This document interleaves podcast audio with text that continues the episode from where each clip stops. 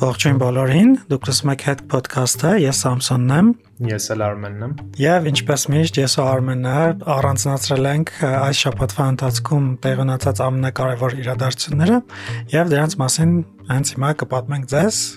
Չմոռանաք հետևել մեր podcast-ին, դա տարածել, գրել ձեր մեկնաբանությունները, դրանք մեզ շատ օգնում են մեր podcast-ն էլ ավելի լավը դարձնելու համար։ Գնացինք։ Հետաքնող լրագրողներից Head Podcast։ Արմեն շաբաթվա երևի ամենակարևոր լուրը, որի մասին ամբողջ աշխարհը խոսում էր, եւ վստահ եմ մեր ունկնդիրներն էլ լսած կլինեն, դա Գորբաչովի մահն էր։ Ինչ է ընդհանրապես Գորբաչովի մահվան մասին այսքան շատ խոսում։ Նա պատճառով, որ Գորբաչովը աշխարհում եւ արևմուտքում առավել շատ հայտնի է որպես մեկը, որը դադարեցրել է սառը պատերազմը, չնայած սրան հետ խորթային տարածաշրջանում եւ մանավանդ ԽՍՀՄ կազմում գտնվող երկրներում նա միանշանակ կերպար չունի, հիմնական այն պատճառով, որ նա չկարողացավ երկրում էթնիկ հակամարտությունները կանխել։ Շատերը գիտեն, որ 85 թվականից Գորբաչովը կարողացավ որոշակի բարեփոխումներ իրականացրել ԽՍՀՄ-ում եւ սկսեց վերակառուցման ռուսեն պերեստրոյկա քաղաքականությունը եւ այդ քաղաքականությունը որոշ փոփոխություններ մտցրեց ԽՍՀՄ տնտեսության մեջ, որոշ առումով ազատականացրեց տնտեսությունը, սոցիալ-քաղաքական համակարգերում նույնպես որոշ ազատություններ մցվեցին նաև շատ հայտնի է գլասնս տերմինը որը որ խորհրդային միությունում չեղարկվեց գրաքննությունը բայց որոշ պատմաբաններ պնդում են որ հենց այս պերեստրոյկան դարձավ ԽՍՀՄ փլուզման պատճառը կամ ԽՍՀՄ փլուզման սկիզբը հայ հանրության կողմից Գորբաչովը մեղադրվում է Արցախյան առաջին պատերազմի հրահրման եւ դրա հետագա չկանխարգելման մեջ խոսքը եւ Ադրբեջանում հայերի ճարտերի մասին է եւ Արցախում պատերազմի ու ընդհանրապես Գորբաչովի մահը կարծես թե շատերն էին սպասում եւ շատերն էլ դեսպես շատ ցավով են ընդունել այս մահը միանշանակ կերպար չէր մի խոսքով եւ այս շաբաթ երևի ամենակարևոր լուրը սա էր Հա ճիշտ է Սամսոն Գորբաչովի մահը այսպես ասած ցնցեց ոչ միայն հետ խորթային տարածաշրջանը, այլ նաև ամբողջ արևմուտքը, որովհետև արևմուտքում իրոք Գորբաչովին շատ, այսպես ասած, ցավով ընդունեցին նրա մահվան փաստը, ինչը չես ասի հետ խորհրդային տարածաշրջանի մասին, անգամ միշտ ավելի, այսպես ասած, առաջադեմ եւ միշտ եվրոպական ընտանիքի մաս կազմած Էստոնիան, Լատվիան եւ Լիտվան եւս բացասաբար էին արտահայտվում Գորբաչովի մասին, ոչ միայն այսպես ասած մահախոսականներ նրան չեն զոնում, ինչը ես հետևում եմ արևմտյան լրատվամիջոցներին, շատ զարմանալի էր ընդհանուր ընդունվել նրանց կողմից այս հանգամանքը։ Չնայած բոլորս է գիտենք, որ նույն Վիլնյուսում խորթային կարգերի տապալման ժամանակ բախումներ են տեղի ունենում եւ շատ շատերը դա կապում էին Գորբաչովի անգործության հետ, որովհետեւ Գորբաչովը ասում է, որ ավելի շատ ուշադրություն դարձնում է պերեստրոյկային եւ արևմուտքի հետ միջուկային զինափթափմանը, քան իր ներքին հակամարտությունը եւ ներքին խնդիրը լուծմանը։ Մեր պատմության մեջ Գորբաչովի դերը իմ սուբյեկտիվ կարծիքով բավականին բացասական, որովհետեւ Գորբաչովը չցուցաբերեց այն կամ կամքը, որպեսզի թույլ չտա միջեթնիկ բախումները։ Շատ շատերը հատկապես հիշնում են կոլցո օպերացիայի մեջ Գորբաչովյան վարչակարգի ամբողջ այդ մասնակցությունը եւ մեր հանրության շրջանում եւ ոչ միայն մեր ադրբեջանցիների էլ եւս օրինակ ադրբեջանցիներն են Գորբաչովին մեղադրում են այսպես կոչված այդ սև հունվարի կազմակերպման մեջ, երբ որ խորթային զորքերը մտան Բաքու ամեն դեպքում Գորբաչովը ոչ միանշանակ է ընկալվում։ Բացի այդ Գորբաչովին շատ շատերը նաև անողակիորեն մեղադրում են խորթային միության տապալման մեջ, գիտես, մեր ավելի տարեցները, տարեց բնակչությունը միշտ իրանությամբ է հիշում խորթային տարիները եւ միշտ այդտեղ բացասաբար արտահայտվում Գորբաչովի մասին, անգամ հիշատակելով նրա առանձին ֆիզիկական տվյալներ։ Այո Ես նա մի բան հիշեցի, որ Գորբաչովի մահվան օրը ինտերնետում սկսեց տարածվել Ռուսաստանում առաջին KFC-ի գովազդը, որի մեջ խաղում էր Գորբաչովը Ես այդ գովազդը չէի տեսել ու շատ բաներ էլի, սենց հետաքրքիր էր տեսնել այդ գովազդը, ու նաև շատ խնդալու էր, որովհետև այսպես բաներ լրիվ հասկանում ես այդ գովազդի միջոցով թե ինչպես էր արևմուտքը, մասնավորապես ԱՄՆ-ն վերաբերվում Գորբաչովի բարեփոխումներին ու տնտեսության ազատականացմանը։ Այո, ինձ համար էլ լրիվ նորություն, որ Գորբաչովը KFC գովազդում նկարահանվել է, բայց ամեն դեպքում Գորբաչովը ինքը, այսպես ասած, այն վերջին կենթանի հուշերից մեկն էր սառը պատերազմի, այսպես ասած մի դարաշրջան եւս ավարտվեց։ Իհարկե ռուս լիբերալ հատվածը, լիբերալ լրատվամիջոցները շատ ծանր են տանում եւ դա քանի որ նա նա շատերի կարծիքով իրենց ազատություն էր, այսպես ասած, բերել, բայց ամեն դեպքում հետ խորթային տարածաշրջանի համար Գորբաչովը հաստատ դրական կերպար չէ։ Վերադառնանք մեր խնդիրներին, այս շաբաթ տեղի ունեցավ Բրյուսելում Փաշինյան Ալիև հերթական հանդիպումը, սա այս տարվա թվով երրորդ հանդիպումն էր երկու երկրների նախագահների մասնակցությամբ, բացի այդ նրանց հետ հանդիպման նրանց հանդիպմանը մասնակցում են նաև Եվրոպական խորհրդի նախագահ Շարլ Միշելը, առաջին անգամ այս տարի նրանք հանդիպել էին ապրիլի 6-ին, երկրորդ անգամ մայիսի 22-ին եւ երրորդը օգոստոսի 31-ին էր։ Չորրորդը ինչպես դրանից հանդիպումից հետո տարածված հաղորդագրություն ընկերությունից հասկանում ենք տեղի ունենալու այս տարվա նոյեմբերի վերջին դարձած Բրյուսելում։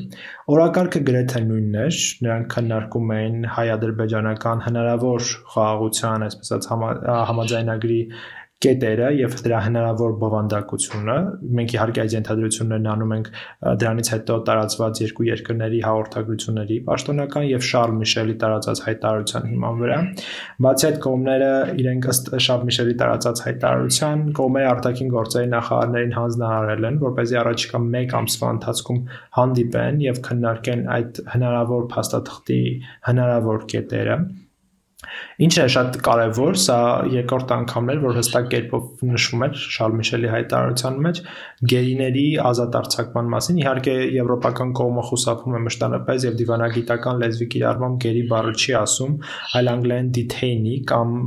կալանավորվածներ կամ պահվող անձինք, նայած թե ինչ թարգմանություն է։ Ամեն դեպքում Շարլ Միշելը հստակ կերպով ամրագրել էր, սահմանել էր, որ եւս մեկ անգամ Ադրբեջանին կոչ It's. Ազատ Ադրբեջանին կոչ արեց հայ պահվող անձանց ազատ արձակման կարևորությունը իհարկե դիվանա ոչ դիվանագիտական ձևակերպում սա հնչում է այսպես. Ադրբեջանին ասեցին ազատ արձակեք հայ գերինեն թե Ադրբեջանը ինչքանով կհետևի այդ պահանջ հորդոր կոչին դա այլ հարց է լրիվ վստահաբար ես խիստ կասկածում եմ թե առաջիկա ամիսների ընթացքում մենք նոր գերիների կունենանք գերիների վերադարձ կունենանք թե ոչ բայց ամեն դեպքում շատ կարևոր էր որ Միշելի հայտարարության մեջ հստակ կերպով այդ ամրագրումը կար։ Բացի այդ այնտեղ խոսք գնում է նաև խոսք կար նաև ականազերծման մասին եւ անհետ կորած անձանց մասին։ Այստեղ ականազերծումը իհարկե էլի քարտեզների թեմաներն է շոշափվում, որ Հայաստանը փոխանցի Ադրբեջանին, իսկ անհետ կորած անձանց մասով էլ հանրաբար խոսքը գնում է Արցախյան առաջին պատերազմի ժամանակ ադրբեջանական անհետ կորածների մասին, որովհետեւ դրանք մի քանի հազարի մասին է խոսքը գնում։ Բաքուն միջև հիմա փնտրում է իր անհետ կորածներին Շարլ Միշելի հայտարարության մեջ նաև տող կար այն մասին, որ առաջիկայում Բրյուսելում պետք է հանդիպեն նաև սահմանազատման հանձնաժողովների հանձնաժողովները։ Դրանք հիշեցնեմ, որ ստեղծվել են մայիսի 22-ի հանդիպումից հետո եւ ղեկավարվում են երկու երկրների փոխվարչապետների կողմից, հայկական կողմից դա Մհեր Գրիգորյանն է նրանք այս անգամ հանդիպելու են Բրյուսելում։ Իդեպ Բրյուսելյան հանդիպումից մեկ օր առաջ այս կազմով փոխվարչապետները հանդիպել են Մոսկվայում եւ հետաքրքրական է որ հաջորդ հանդիպումը տեղի ունենալու Բրյուսելում։ Հիմնական շեշտադրումները սրանք են։ Փաշինյանն այսօր հայտարարել է, որ Ադրբեջանի նախագահի նախագահի հետ բանակցությունները բավականին այսպես ասած բարդ են եղել եւ որոշակիորեն լարված մտնոլորտում են անցել։ Իհարկե հայկական լրատվամիջոցները, աշուտ հայկական պաշտոնական հայկական պաշտոնական գերատեսչությունները, ովքեր պատասխանատու են այս բանակցությունների համար, չեն նշում թե բացի երեք առաջնորդներից էլ ովքեր են մասնակցել այդ հանդիպմանը, բայց ադրբեջանական լրատվամիջոցները գրել են, որ հայկական կողմից հանդիպմանը մասնակցել է նաև արտաքին գործերի նախարար Արադ Միրզոյանը եւ անվտանգության խորհրդի քարտուղար Արմեն Գրիգորյանը, իսկ ադրբեջանական կողմից մասնակցել են իրենց արտաքին գործերի նախարարը եւ Ադրբեջանի նախագահի օկնականը Հիկմետ Հաջիևը, որը համակարգում է նաև արտաքին քաղաքական բլոկը նախագահի աշխատակազմում։ Անցած շաբաթվա ընթացքում նաև շատ կարևոր իրադարձություն տեղի ունեցավ։ Խոսքս Արցախի պաշտպանության նախկին նախարար Միքայել Արզամանյանի կալանավորումն էր։ Ըստ քնչական կոմիտեի 2020 թվականի հոկտեմբերի 30-ից մինչև նոյեմբերի 9-ը ընկած ժամանակահատվածում Շուշի քաղաքի եւ հարակից շրջանների պաշտպանության կազմակերպման ընթացքում Միքայել Արզումանյանը ամփոփ վերաբերմունք է դրսևորել իր ծառայողական պարտավորությունների նկատմամբ, չի կատարել կամ ոչ պատշաճ է կատարել իր պարտականությունները, հետ նահանջի հրամաններ է տվել, ինչի հետևանքով հակառակորդի, այսինքն Ադրբեջանի զինված ուժերը ամբողջությամբ իրենց վերահսկողության տակ են վերցրել Շուշի քաղաքը եւ մատույցները, եւ հայկական կողմը կրել է հարյուրավոր զոհեր եւ ունեցել է էլի շատ վիրավորներ։ Միքայել Ազմանյանին կալանավորելու գործընթացը մի քիչ տարօրինակ էր իմ համար, որովհետև սկզբից հայտարարեցին, որ նրան ձերբակալել են, հետո հաջորդ օրը նրան ազատ են արձակել, հետո մի քանի ժամ անց սեպտեմբերի 1-ին հայտարարեցին, որ նրան արդեն կալանավորել են 2 ամսով։ Եվ այսպես ստացվում է, որ պետությունը Շուշի կորստի ամբողջ մեղքը, այսպես ասած, բարթում է Միքայել Արզումանյանի վրա, Հայտքում Շուշի հանձնելու եւ այլ տարածքների կորցնելու մասին շատ հետաքննություններ ունենք եւ այդ հետաքննություններին եթե կարդացել եք, եթե ծանոթ եք, դուք էլ հաստատ կիմանաք, որ այդ ընթացքում շատ անհասկանալի բաներ են տեղի ունեցել, անբացատրելի բաներ են տեղի ունեցել եւ մենք անդադ փորձում ենք այսպես վերևից ներքև հետաքննություն անելով մարդկանց հետ խոսելով այդ մարտական գործողություններին մասնակցած զինվորականների հետ խոսելով հասկանալ թե իրականում ինչ է կատարվել եւ Միքայել Արզումանյանի այս կալանավորումը կարելի ասել սпасելի էր որոշ առումով այսպես Արայք Հարությունյանի մամլա խոսնակը տեղեկացրեց որ Արցախի նախագահ Արզումանյանին վերման ենթարկելու մասին տեղյակ չի եղել այսինքն իմացել են մամուլից եւ նաեւ ասել են որ հետեւողական կլինեն սրան ավելի մանրամասն չեն մեկնաբանել ու այսպես կարծում եմ սա շատ կարևոր իրադարձություն է։ Պաշտոնական մեղադրանքը արդեն կա, ինչպես ասացի, իր պարտականությունները չկատարելու կամ անտեսելու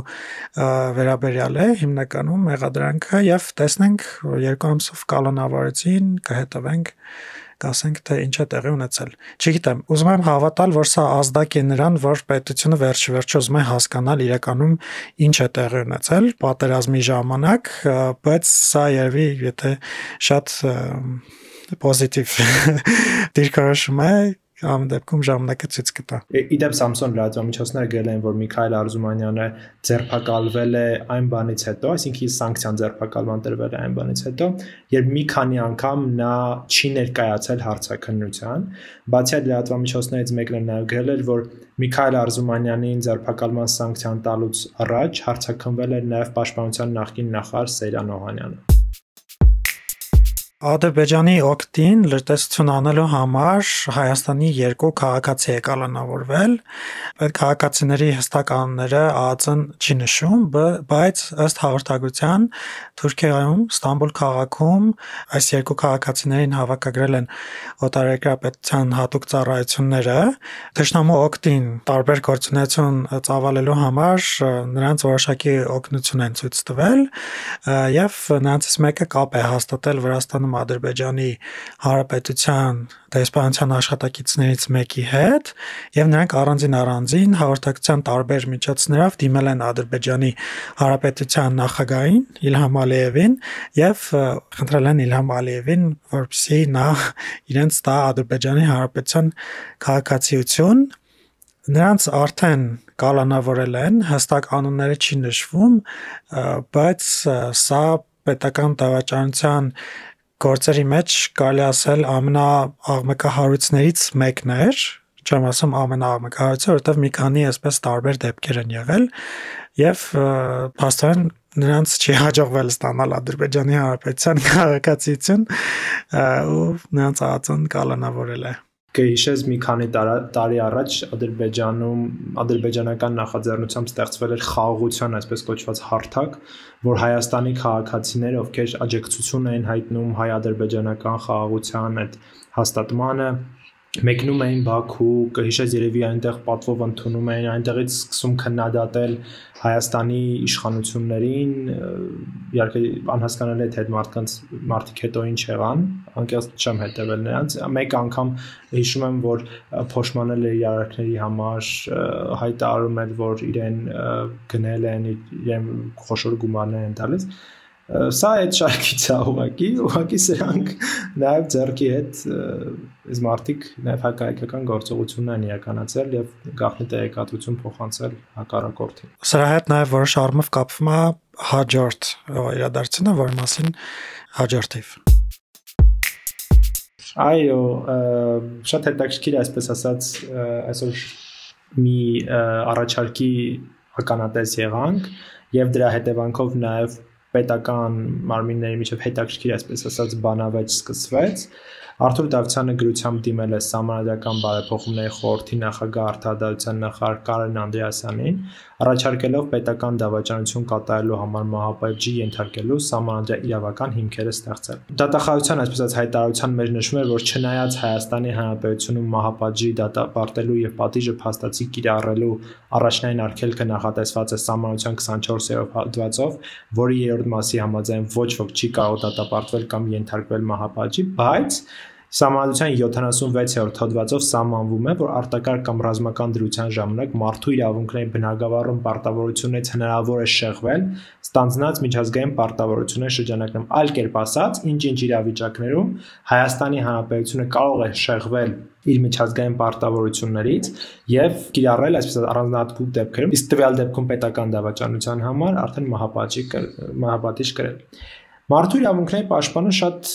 արագ կերպով արձագանքել էր այս հայտարարության, այս առաջարկին եւ ասել, որ օպերատիվ հետախուզական եւ հակահետախուզական գործունեություն իրականացնող մարմինների աշխատանքի արդյունավետությունն էլ ավելի բարձրացնելու լուծումներ չպետք է փնտրել համանդրությամբ ամրագրված մարդու իրավունքների եւ ազատությունների համանդրական արժեքների նվազեցման մեջ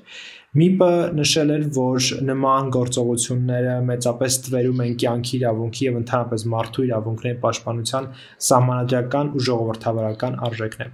ՄԻՊ իհարկե այստեղ չէր հիշատակել այն հանգամանքը, որ Հայաստանի Հանրապետությունն ունի նաեւ միջազգային պարտավորություններ եւ ինքը չի կարող մահապատիժ կիրառել, Ավելին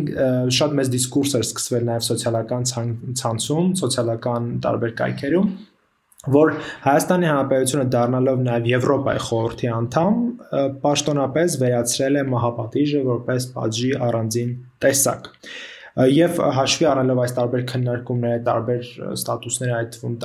հանրային կարծիք ձևավորող անձանց շրջանում դատախազությունը հանդես էր եկել պատասխան արձագանքով, որով անդրադառնում էր մի հայտարարությանը նշելով, որ մարդու իրավունքների պաշտպանը խիստ հապճ է, առանց առաջարկի խորքային պատճառներն ու հիմնավորումները, իդեպս ես ցիտում եմ դատախազությանը, հայտարարությանը քննարկման առարկա դարձնելու մակերեսային կարծիք է հայտնել եւ արձագանքելով նաեւ այն այսպես կոչված մեղադրանքային հանրության շրջան, որ դատախազությունը չի տիրապետում, որ Հայաստանը նման պարտավորություններ ունի, դատախազությունն ասել է, որ իրենք ուսումնասիրել են ոլորտին առնչվող միջազգային հանձնարարությունների դաշտ եւ ողրզել, որ ՀՀ-ն ունի մահապատժի բացարձակ արգելք սահմանելու ուղակի միջազգային իրավական պարտավորություն։ Բայց ինչպես ասում են, ողրում է, որ Հայաստանի Հանրապետությունն ամեն դեպքում ունի նման պարտավորություններ եւ դատախազությունն այս параգրաֆում սխալվում է։ Հայաստանի Հանրապետությունը 2021 թվականի մարտի 21-ին վավերացրել է ՄԱԿ-ի քաղաքացիական եւ քաղաքական իրավունքների մասին միջազգային դաշնագրին կից երկրորդ կամոնտիր արցանագրությունը, որի առաջին հատվածը նախատեսում է, որ արձանագրության մասնակից պետության իրավասության ներքո գտնվող որևէ մեկը չի կարող մահապատժի ենթարկվել։ Թեև տվյալ այսպես կոչված արձանագրությունը նախատեսում է բացառություն ռազմական իրավիճակի դեպքում, եթե մասնակից երկիրը վերապահումով վավերացնի տվյալ փաստաթուղթը, սակայն Հայաստանի Հանրապետության պարագայում այս ստորագրվել է առանց վերապահումների։ Հետևաբար, ըստ այս այսպես կոչված արձանագրության, որը ստորագրել է նախորդ տարի Հայաստանի Հանրապետությունը,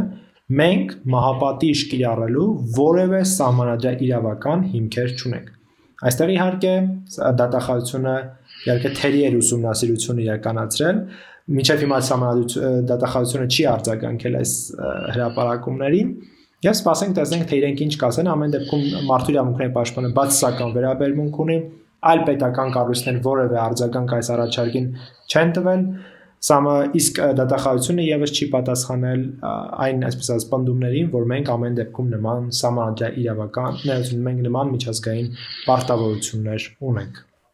Արմեն անկեղծ ասած իմ մոտ MC տպավորությունն է որ Արթուր Դավթյանը իր գլխավոր դատախազի պաշտոնի հեռանալուց առաջ տարօրինակ առաջարկների ինչ որ փուլի մեջ է, որովհետև մեր ունկնդիրները կհիշեն, որ մենք պատմել ենք դրա մասին, ընդհանրապես մի ամիս առաջ Արթուր Դավթյանը հանդես եկել եւս մի абսուրդ առաջարկով, որը ենթադրում էր ռուսական փորձի, ավելի ճիշտ Ռոսկոմնadzորի հիման վրա ստեղծել մի կառույց, որը որ պիտի վերահսկեր ինտերնետը։ Այս քննարկումները որևէ տեղ չգնացին եւ կարծես թե այս առաջարկը հայկական Ռոսկոմնadzորի հայկական տարբերակը ստեղծելու չի լինելու, հա, ըստ երևույթի նման բան, բայց սրանց հետո հիմա էլ այսպեսի մի ուրիշ առաջարկով է հանդես գալիս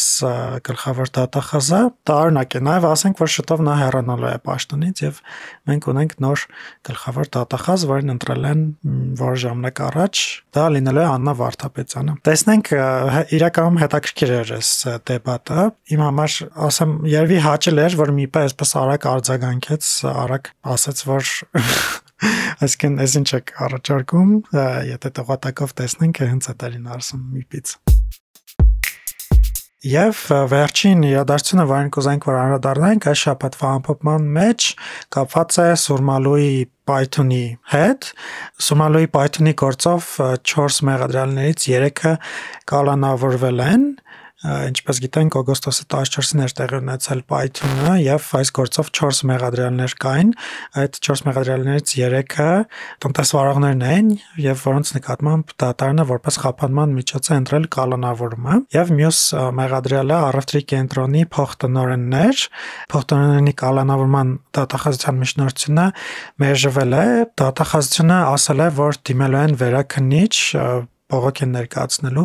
որպեսզի փոխտնօրենի կալանավարման միջնորդության մերժումը վերանայվի։ Ամեն դեպքում Սոմալոյի Python-ի գործով կարծես թե որոշ շարժ կա, չնայած հստակ հնարավոր չէ պնդել, որ ասենք X քանակի մարդկանց կալանավորումը դա ինչ որ մեծ շարժ է կամ ինչ որ արդյունք է, բայց ամեն դեպքում կարծես թե դատախազությունը սրանով զբաղվում է, քնչական մարմինները սրանով զբաղվում են եւ կարծում եմ պետք է որքան հնարավոր է արագ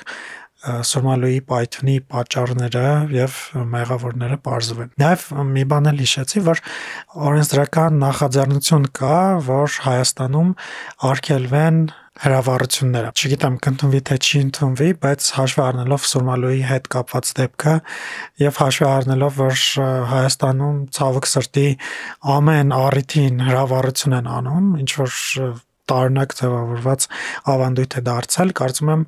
շատ լավ նախաձեռնություն է եւ հույս ունեմ, որ այն կընդունվի։ Դե ինչ, շնորհակալություն այս շաբաթ եւս հետ podcast-ին իմանալու համար։ Խնդրում ենք միացեք մեր Facebook-յան խմբին, հայատար կամ լատինատար Facebook-ում վրանելով հետ podcast, նաեւ լսեք մեզ podcast-ներ լսելու տարբեր հավելվածներում, օրինակ Spotify-ում, Google Podcast-ում, Apple Podcast-ում եւ ձեր նախընտրած այլ հավելվածներում։ Իսկ մենք հաջորդ շաբաթ կվերադառնանք նոր առավել հետաքրքիր նորություններով։ Սպասեք մեզ։ Հաջողություն։